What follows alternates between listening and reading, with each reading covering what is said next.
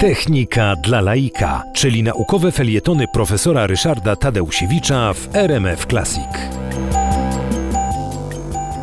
Przykładem sprzężenia zwrotnego, które omówiłem na poprzednim naszym spotkaniu, jest sprzężenie, jakie występuje pomiędzy każdym organizmem i jego środowiskiem.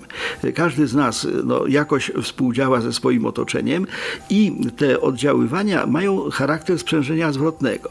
Bo jeżeli żywa istota, powiedzmy ktoś z Państwa, wykona jakieś działanie, czyli wyśle do tego drugiego systemu, mianowicie do środowiska, jakiś sygnał, to środowisko na to jakoś zareaguje. Coś się zdarzy w następstwie tego. My to rejestrujemy poprzez sensory, poprzez receptory. Jest odbiór tego e, zmiany stanu środowiska. To z kolei poprzez procesy wewnątrz organizmu zostaje zamienione na nową strategię działania i wobec tego organizm, e, człowiek, ale również e, nawet bakteria reaguje poprzez sprzężenie zwrotne na to, co się dzieje. Wobec tego można powiedzieć, że jest taki łańcuch przyczyn i skutków, który się w zasadzie nigdy nie kończy.